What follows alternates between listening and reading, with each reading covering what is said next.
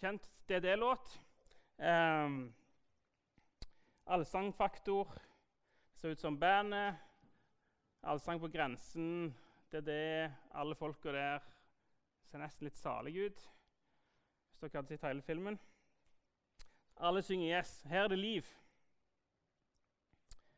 Og så er jeg jo skeptikeren fra Jæren som umiddelbart um, reiser noen spørsmål i meg. Hva slags liv er det det blir? Hvem er det som definerer hva liv er, og hvordan liv er? Hvis jeg var der, ville jeg følt på dette livet som de synger om? Ville du opplevd det? Ville du det? Er det noen som kan si at her blir det liv, og så blir det liv? Eh, kan vi liksom bestemme det? Eh, og så eh, lurer jeg litt på liksom, hva er kriteriene for at de kan synge at her blir det liv? Det er meg. Min refleksjon når jeg hører den sangen. Um, Jesus sa at uh, han kom til jord for at vi skulle ha liv og overflod. I dag og neste gudstjeneste så skal vi avslutte en, et semester, en høst, der vi snakket om dype røtter. Så skal vi se på noe som heter tegn på liv. Um, det skal vi gjøre med å se på en del bibeltekster, en del bibelske prinsipp. Og det er alt er blitt strukturert gjennom life shapes. Sant?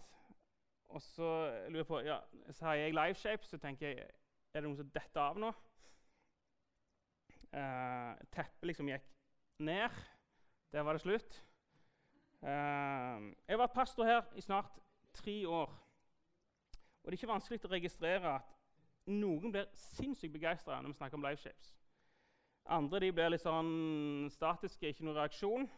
Noen ser ut som et spørsmålstegn. Og noen vifter med åndeleflagget. Hvor er den hen? Liksom, her er det faresignal. Jeg vet ikke hvor du er hen. Um, jeg har i høst uh, fått lov til å bruke en del tid på Lifeshapes. Uh, og brukt det. Uh, vi brukte det for Turum. Og sett at eh, det vi skal snakke om i dag, det har forandra noen menigheter. Det har skapt nytt liv hos noen menigheter. Og tenker at det er på en plass at dere òg får høre litt av det. Eh, jeg tror at eh, det er et godt verktøy for å snakke om Guds sannheter og Guds prinsipp, som fins i Hans rike. Du har kanskje hørt at vi har snakket om eh, trikanten. kommer opp her. Eh, halvsirkelen, Kairos-øyeblikk eller femkanten. Kjenner de igjen? Ja, noen som de, de mest begeistra kjenner det igjen. Um, Life Shapes er et pedagogisk verktøy. Noen kaller det språk. Uh, det er utvikla av Mike Breen. Uh, en tid han var i Sheffield. David, som er oppe her, han er fra Sheffield. Sam er vel, ikke om Sam er her, men uh, har litt folk herfra. For den menigheten i Sheffield, um, det som dette ble utvikla. Hensikten som sagt, er å definere en del bibelske prinsipp og sannheter og gjøre de lett tilgjengelige for oss. Vi knytter enkle symbol som er lett å huske, opp til noe som vi skal lære. F.eks. trikanten den minner oss om balansen med relasjonen opp til Gud, inn til mennesket og ut til verden. Eh, femkanten snakker om tjenestegavene som vi leser om i Efeserbrevet. Halvsirkelen skal hjelpe oss til å leve i hvile og i arbeid. Og Kairos-sirkelen skal prøve å hjelpe oss til å registrere hva Gud holder på med. Styre livet oss etter det og få ny retning. Så I dag skal vi altså snakke om sjukanten. Jeg vet ikke om eh, dere har vært borti den før. Vet ikke, Kom dere så langt før jeg kom her? Ikke sikker. Eh, men iallfall Den har blitt litt ny for meg i høst. Eh, den handler om noe viktig. Prøve å lære oss noe om vårt personlige liv med Gud. Så Undervisningen i høst handler om dypere røtter. Innholdet i syvkanten skal læres å ta ansvar og finne vårt ansvar for hvordan, hvordan det kommer dypere røtter, og hva som er Guds ansvar i det å få dypere røtter. Forenklet kan vi si at ansvarsfordelingen er sånn at det er Gud dette forenklet, Gud Fader han er skaper, han er opprettholder av alle ting. Jesus er frelser og den regjerende kongen. Og så er det Den hellige ånd, som gir kraft og ledelse til oss mennesker. Så vårt ansvar da, hva er det? Det holder oss nært til Jesus. Det er det eneste ansvaret vi har, så skal Gud gi resten. Um, så hvis vi forstår innholdet, praktiserer syvkanten, så vil det hjelpe oss til å leve et liv i Ånden. Når Jesus kom og sa at han skal gi oss liv og overflod, så tror jeg at det er en definisjon på det livet er å leve i Ånden. Um, før vi går i gang med trikanten, da Nei, trikanten, eh, syvkanten Ikke lett. Eh, litt biologi. Nesten alle, nesten alle bilder i Bibelen, eller iallfall veldig mange av dem, um, det, Bibelen beskriver oss mennesker, Kirka, så henviser han til levende ting i naturen, til biologien. Snakker om f.eks. ei brud, flokken, hveteåkeren, eh, surdeigen, greiene på et tre, sennepsfrø, familie, kropp, lys Alt sånne ting som vi finner ute. Det er ikke mekaniske ting Bibelen snakker om. Så vi som mennesker er altså meint til å eh, fungere ut ifra disse metaforene. Og Bibelen vil at vi skal forstå dette, sånn at vi vet hvordan vi skal leve. Syvkanten skal hjelpe oss til å leve sunt. Skal hjelpe oss til å flytte fokus bort fra resultatene. Eh, prøve å få frukt i livet, og heller flytte fokuset over på hva er det som skaper frukt i livet. Hva som gir liv. Og så er det viktig å si at Lifeshapes det er et pedagogisk system. Det er bygd opp, eh, bygd opp på sånt sju tegn fra biologien på liv. Eh, det er ikke en absolutt sannhet, eh, men det er noe som prøver å hjelpe oss til å huske noe. Så Neste bilde så ser du en liten sånn eh, Jeg har noen i huskirka som er fra England.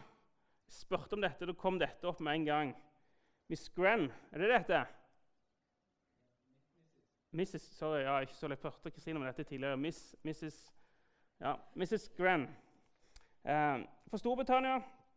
Eh, og når Mike Breen lagde Sjukanten, så tok han utgangspunkt i dette.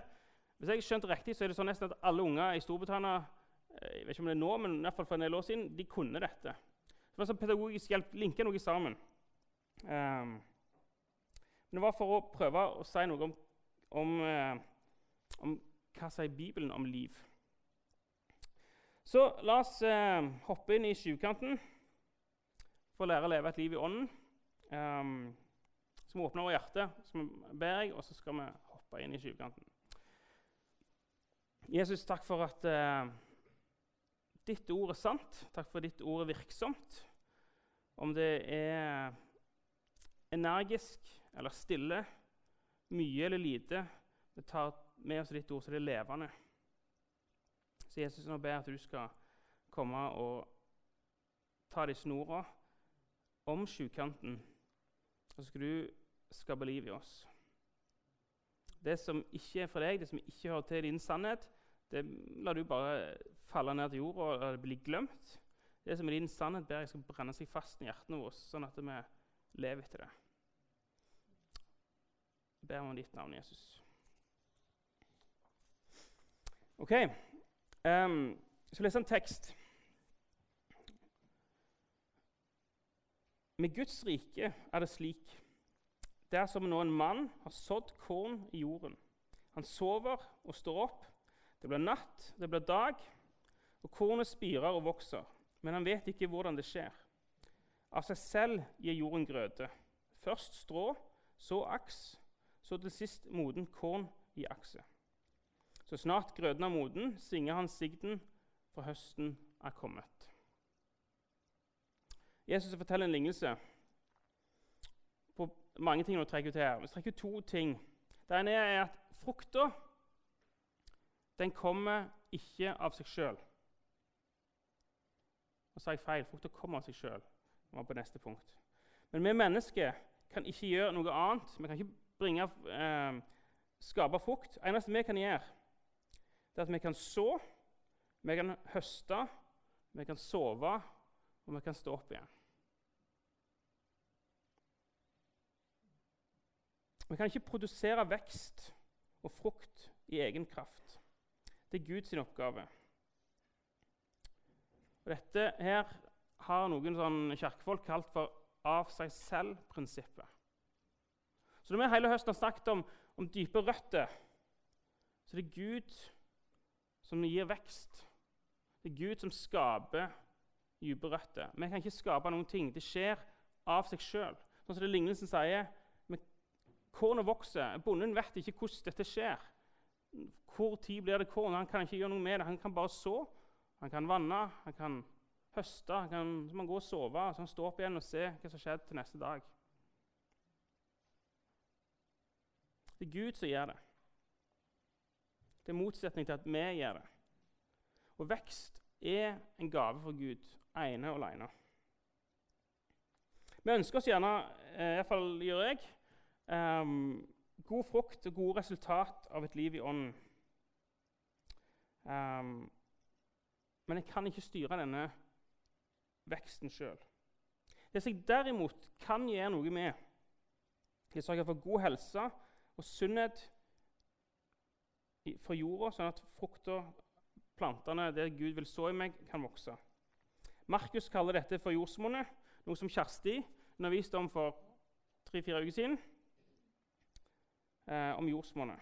Og Det er et bilde på hjertet vårt.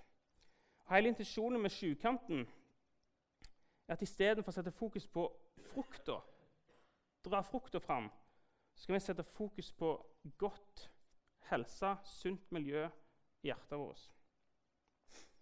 En tekst til eh, fra Galaterne. Dette er kjent. Lev et liv i Ånden. Og videre står det Men Åndens frukt er kjærlighet, glede, fred, overbærenhet, vennlighet, godhet, trofasthet, ydmykhet selvbeherskelse. Slike ting, slike ting rammes ikke av loven. De som hører Kristus til, har korsfestet kjødet og dets lidenskaper og begjær. Lever vi i Ånden, så la, oss også vandre i Ånden. Her beskrives fruktene av å leve et liv i Ånden. Og Fra et organisk perspektiv eh, kan vi ikke høste frukt med en form for produksjon, mane fram et resultat. Dersom vi ønsker oss en bestemt frukt av det som står her, så må vi så, vi må gjødsle jorda, vi må vanne planten så den vokser. Vi kan gi gode vekstvilkår. Vi gjør det så godt vi kan for at den skal vokse. Men vi kan ikke dra planten opp. Vi kan ikke strekke den vi kan ikke utvide den. Det er utenfor vår eh, Det kan ikke vi gjøre. Det er bare Gud som kan gjøre det. Hvis du ønsker å være en mann eller kvinne som preger av dette, av kjærlighet, av fred, overbærenhet, vennlighet, godhet, alle disse tingene, da er veien der til å sette fokus på hjertet ditt, at det er så gode vekstvilkår som mulig i ditt hjerte. Sjukanten kommer oss her til hjelp å sette fokus på dette, hjelpe oss å leve dette. Så vi ser at vi lever et liv i Ånden. Eh, Johannes 15 så sier Jesus at forutsetning for at vi skal bære mye frukt, er jo nettopp at vi blir i Han. Smodning skjer når vi er kobla på Jesus. Vekst skjer når vi er kobla på Jesus. Sjukanten skal hjelpe oss til å bli Jesus. Så da skal vi hoppe inn i den. Vi skal i dag se på de tre første stegene i sjukanten. Så skal vi neste søndag om, om to uker se på de fire neste stegene. Eh, så husk igjen at sjukanten, det som vi skal presentere nå, er ikke en regel eller en bibelsk sannhet i seg sjøl, men det er et pedagogisk hjelpemiddel For at du skal huske noen bibeltekster, for du skal huske noen prinsipp, for du skal huske noen sannheter som du kan leve etter, sånn at det gir liv, at du lever et liv i ånden. Så første tegnet på liv, det er følsomhet. Følsomhet er evnen til endring som en respons på omgivelsene. Følsomhet det skapes av når du får informasjon om verden rundt deg gjennom de fem sansene dine, som syn, hørsel, lukt, berøring og smak. Det du føler eller registrerer gjennom disse sansene, det fører igjen til en utførelse og et tillært handlingsmønster en form av en definisjon på følsomhet. Så Bibelen beskriver at vi har sant? Bibelen snakker ikke om, om Johan kanskje det, men den beskriver at vi har noen åndelige sanser. Følsomhet er viktig for å leve et liv i ånden. Gjennom bønn, gjennom stillhet, kan vi lære oss å være åndelig følsomme. I vårt samfunn derimot, der fornuften råder, Og vi snakker bare det du kan se, det du kan ta på, det er det du forholder deg til. Det er det vanskelig å trene opp av og til den åndelige følsomheten. Derfor er det viktig å lære å forholde seg til den åndelige og usynlige virkeligheten. Gud er ånd, og da må vi forholde oss til den åndskampen som er rundt oss, den som vi ikke ser, vi forholder oss til det gode og det onde.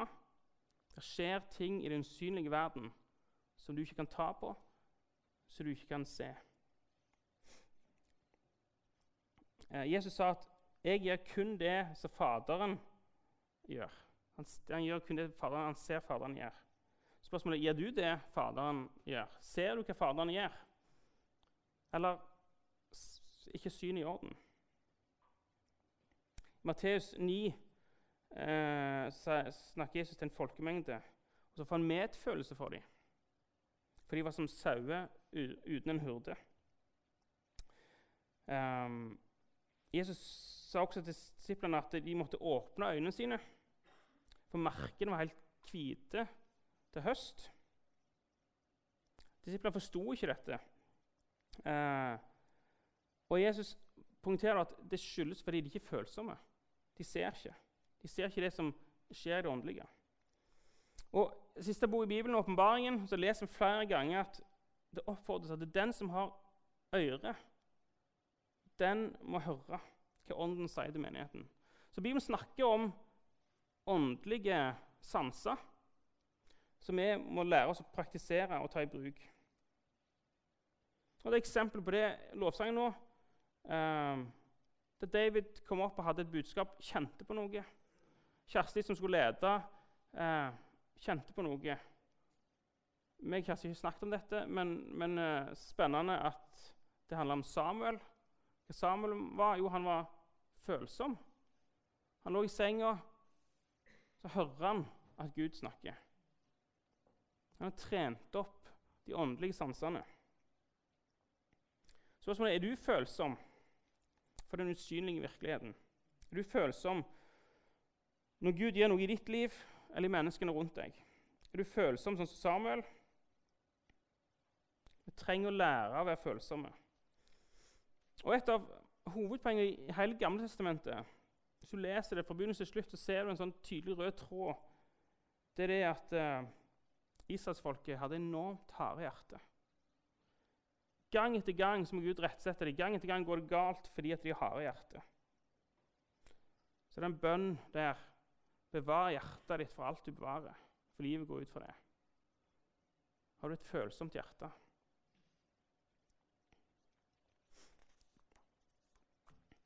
Den neste tingen i tjuvkanten er bevegelse. Så hva det om Bevegelse Bevegelse er evnen til å kunne endre retning og skjer vanligvis som en respons på stimuli som f.eks. smerte og sult. Hvis du er sulten, så springer du i kjøleskapet. Det er en, en, en respons på noe. Bevegelse er det som, er, som tillater oss å være i kontakt med verden rundt oss, utenfor oss sjøl. Og gjør oss i stand til å delta i ting vi kan tjene på og vinne noe på. Så Derfor beveger du deg, for du bejakter etter gevinst. For eksempel, uten næring, uten hvile, restitusjon, blir vi trøtte, og tempoet som vi beveger oss i, det blir lågt. Drar dette over til Bibelen, da, så snakker Bibelen om tro. Og tro er oversagt fra gresk. Det greske ordet er pistis. Og det er et aktivt ord. Det handler om bevegelse. Så når vi tror, vises det seg i en handling ut fra en indre overbevisning. Du stoler på noe som er basert på en bestemmelse som du har tatt, og det fører til en bevegelse. Og Det kommer veldig tydelig fram i Jakobs brev. Jakob sier at en tro uten gjerning den er unyttig. Om Jesus så leser vi at uh, han var drevet av Ånden ut i ødemarken. Ånden tok tak i ham um, og ledet han en annen plass, ledet han i bevegelse. I Apostelens gjerninger 16 så leser vi om uh, at uh, Paulus noen var på vei en plass til, i Asia. Og I en drøm så, så han en fyr fra Makedonia. og så I løpet av denne drømmen da, så han følsom for det Gud sier, og så tror han at dette er sant, og så beveger troen, eller troa fører til at han beveger seg mot Makedonia. Så spørsmålet til oss er setter vi oss i en situasjon der Gud kan stimulere oss til å bevege oss. Er de tro bare privat og stille, eller tror de sånn at den fører til bevegelse? profetiske ord, Bibelen, forkynnelse og bønn som omgir oss med disse tingene, så gir det mulighet for å oppnå en form for åndelig stimuli som gjør at troen vår kan reagere, og vi kan komme i bevegelse. Det holder ikke bare å være i en situasjon for sånn som dette. Sitte stilt i stolen eller sofaen og se på det som skjer. Du må ha en innstilling og gitt hjertet ditt lov til å bevege seg. Hvis ikke så er ikke du i bevegelse. Da sier Jakob at de tro ikke nyttige. Spørsmålet er adlyder vi når Gud kaller. Går vi når Gud kaller? Går vi på de små tinga? Går vi på de store tinga? Er vi i bevegelse? Du skal se tegn etter liv, se om at jordsmonnet ditt er bra om at det skal være levelig for røttene dine, som har snakket med hele høsten, så må du se på er du følsom. Du, bruker de åndelige sansene dine? Du må sjekke er jeg i bevegelse, eller sitter jeg bare stilt. Gode faktorer som kan fortelle deg hvordan er din status.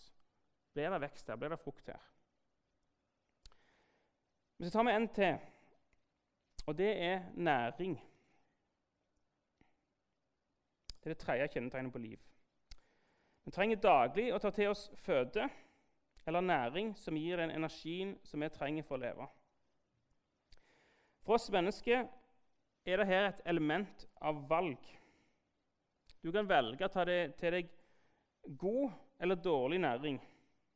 Eller du kan velge å ta til deg lite eller mye næring. Vi ba tidligere i dag gi oss i dag vårt daglige brød interessant, fordi at næringen fra Gud virker som han er lik jordisk mat. Um, den varer bare for korte perioder. Uh, vi vet at Guds ord er evig, men når Gud gir oss næring, når vi spiser Hans ord, så spiser du ikke en dag og så venter du til neste år. Nei, du spiser, så spiser du neste dag, så spiser du dagen etterpå. Tar til deg næring hver dag. Det er på samme måte som vi spiser og drikker fysisk mat. Sånn er det med åndelig mat. Etter en stund, relativt kort, så trenger du påfyll. Hos Jesus finner vi denne åndelige næringen. Han sier i Johannes 6.: 'Jeg er livets brød.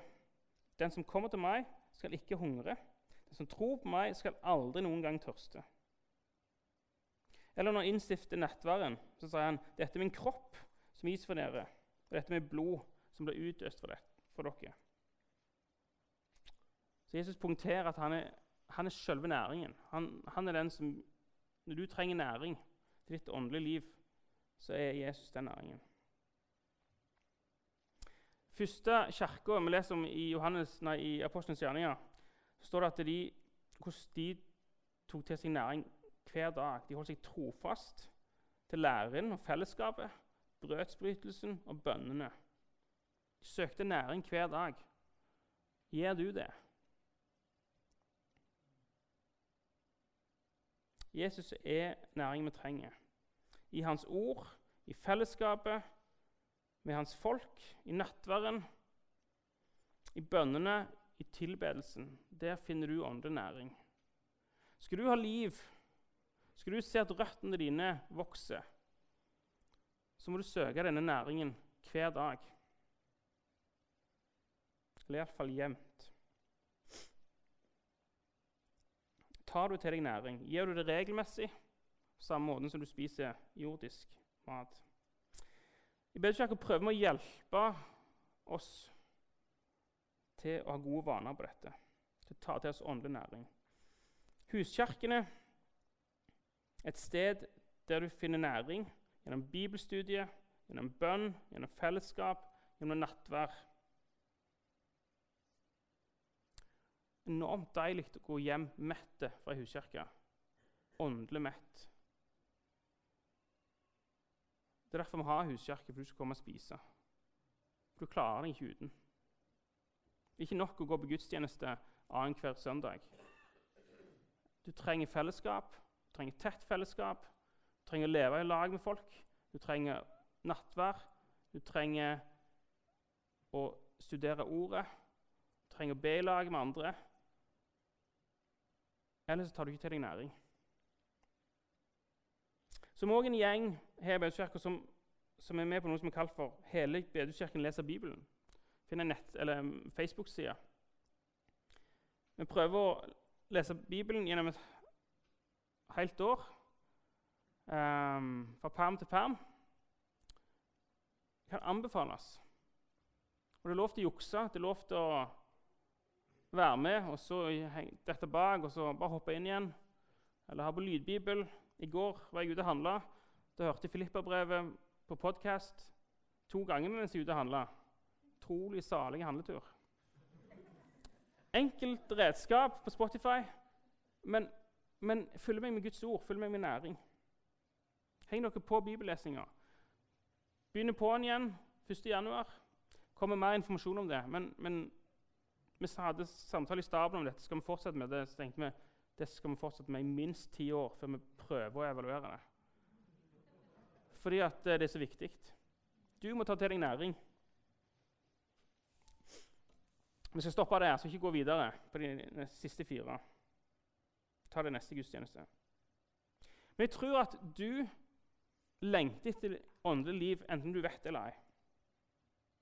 Jesus han er veien, han er sannheten, han er livet. Han kom for at du skulle ha liv, for at du skulle ha overflod. Han har lagt ned i hvert menneske en dyp lengsel etter ekte liv. Og Det er bare Jesus som kan gi deg dette livet. Du kan lete andre steder. F.eks. rikdom, i makt, karriere, i status, i relasjoner. Det er bare hos Jesus du finner liv. Ekte liv. Liv som varer. Liv som varer lenger enn døden. For at du skal kunne la Jesus sitt liv vokse fram i deg, så må du bevare hjertet ditt. Du må være følsomme. Du må respondere å være i bevegelse. La tro de fører deg videre.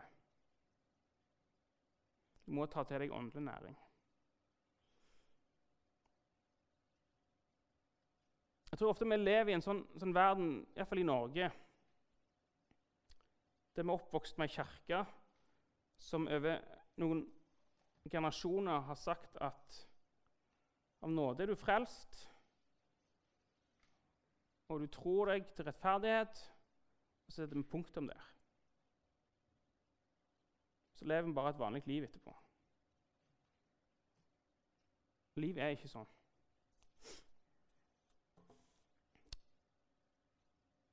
Jesus har et ansvar. Han har frelst deg, han har dødd for deg. Ånden er med å lede deg, gir deg kraft. Gud opprettholder denne verden, skaper nye ting. Ditt ansvar holder deg nær til Jesus. Ditt ansvar er å sørge for godt jordsmonn i ditt hjerte. Vi har en ganske liten del av ansvaret i forhold til det Gud holder på med. La oss ta det ansvaret. Det viser igjen på kvaliteten i ditt liv om du gjør det. Skal vi be. Jesus, takk at uh, ditt ord er sannhet. Takk at ditt ord er som ei lykt for våre liv. Nå ber jeg Jesus at du skal komme til oss, hjelpe oss å ta vårt ansvar. Jeg er utrolig takknemlig for at du tok ansvar først. Du kom oss i møte først. Og vektskåla av hvor mye ansvar du tar, matcher ikke med det vi gjør.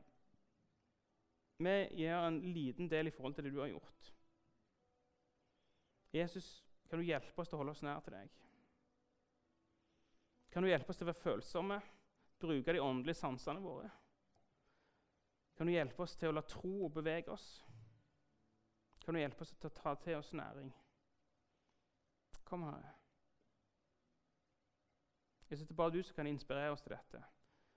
All eh, dårlig samvittighet for den næringen vi ikke har spist i går eller sist år eller gjennom hele livet, den har du kasta i glemselens hav. Du inviterer til dekka bord i dag. Jeg ber om vi skal ta plassen vår der. Du har alt stolthet, all uro, alt som står i veien for deg, at vi kan leve dette. Jeg ber om det skal forsvinne, Jesus. Du skal ta det vekk.